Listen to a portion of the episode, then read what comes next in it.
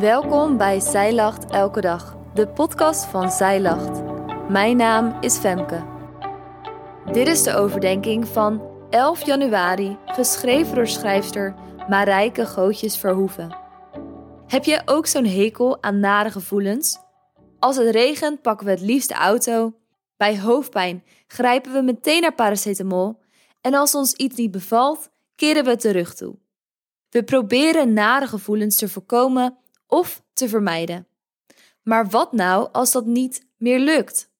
We leven in een welvaartsmaatschappij die de indruk wekt dat het leven maakbaar en beheersbaar is. Voor nare gevoelens is geen plek. Die moet je zoveel mogelijk uit de weg gaan, want we willen ons goed voelen. Zelfs in sommige kerken is dit gedachtegoed binnengeslopen. Je moet God proclameren als geneesheer, overwinnaar en voorziener. Je hebt het al ontvangen. Je moet er alleen nog in geloven en in Zijn kracht gaan staan. Leven van glorie naar glorie.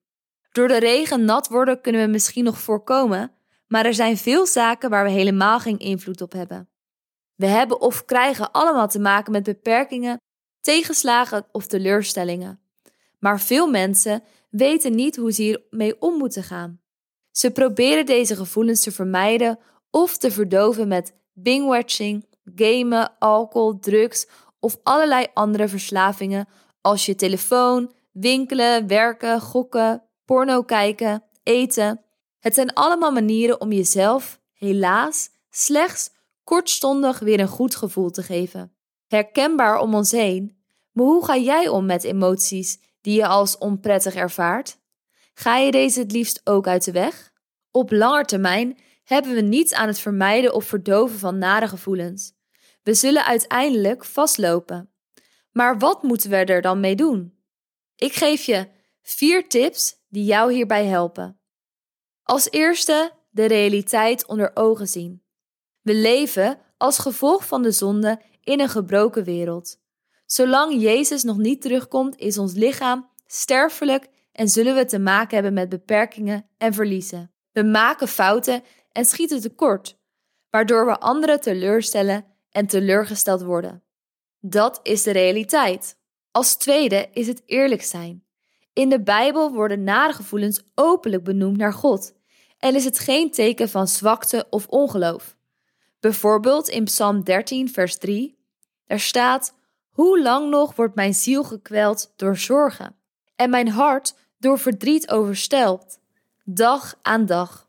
Voor God hoeven onze emoties niet weg te stoppen. We mogen er eerlijk over zijn en ons hart bij Hem uitstorten. Als derde is het uitzien naar groei. Juist als we te maken krijgen met nare gevoelens, leren we God op een nieuwe manier kennen. Hij is niet alleen geneesheer, overwinnaar en voorziener, maar ook een schuilplaats, trooster en een God van hoop. Teleurstelling en tegenslag zijn niet fijn, maar wel vaak kansen voor vernieuwing en groei. Onze relatie met God wordt versterkt.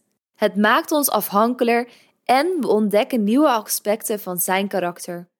Ook zullen we steeds sterker worden. We ontdekken dat we meer aankunnen dan we denken. In Psalm 147, vers 3 staat: Hij geneest wie gebroken zijn en verzorgt hun diepe wonden. En als vierde is het kijken naar Jezus. Jezus toonde ook zijn gevoelens van verdriet, boosheid en teleurstelling en ging moeilijke situaties niet uit de weg. Het toppunt van pijn en nare gevoelens heeft hij doorstaan op Golgotha, waar hij ons lijden heeft gedragen en de dood overwon. Hij dacht daarbij aan de vreugde die voor hem lag. Dit staat in Hebreeën 12, vers 2. We zullen nooit zo diep hoeven gaan als hij, maar mogen wel van hem leren hoe we omgaan met teleurstellingen, tegenslagen en emoties die we als negatief ervaren. Ik wil je uitdagen om eens door de regen te lopen of te fietsen, terwijl je denkt aan een warme douche of droge kleding die thuis op je wacht. Of kies een andere oefening die je ervan bewust maakt dat je het kunt verdragen, als opstapje naar grotere dingen, om te leren op een gezonde manier om te gaan met nare gevoelens die je nu misschien geneigd bent om te vermijden of te verdoven. Laat het er maar zijn. Wees maar eerlijk over wat er in je omgaat. Sta stil bij wie God is in deze momenten. En kijk net als Jezus naar de vreugde die voor je ligt. God weet waar je doorheen gaat. Samen met Hem mag je overwinnen, doordat je het aangaat, er doorheen gaat en er sterker uit zult komen. Op 14 februari start de 40 dagen tijd. In dit leesplan, Feest van Bevrijding, volg je de Israëlieten in hun reis door de woestijn van slavernij naar vrijheid. En je ontdekt samen met de eerste volgelingen van Jezus over het leven in Gods koninkrijk. Wil jij meer toeleven naar Pasen? Bestel dan dit 40 dagen tijd leesplan via onze webshop. Dankjewel dat jij hebt geluisterd naar de overdenking van vandaag. Wil je de overdenking nalezen? Check dan onze website. Je vindt er ook meer toffe dingen die jou helpen om de Bijbel vaker te openen, zoals boeken, Bijbels, cursussen en evenementen. Morgen ben ik weer bij je terug met een nieuwe overdenking. Tot dan!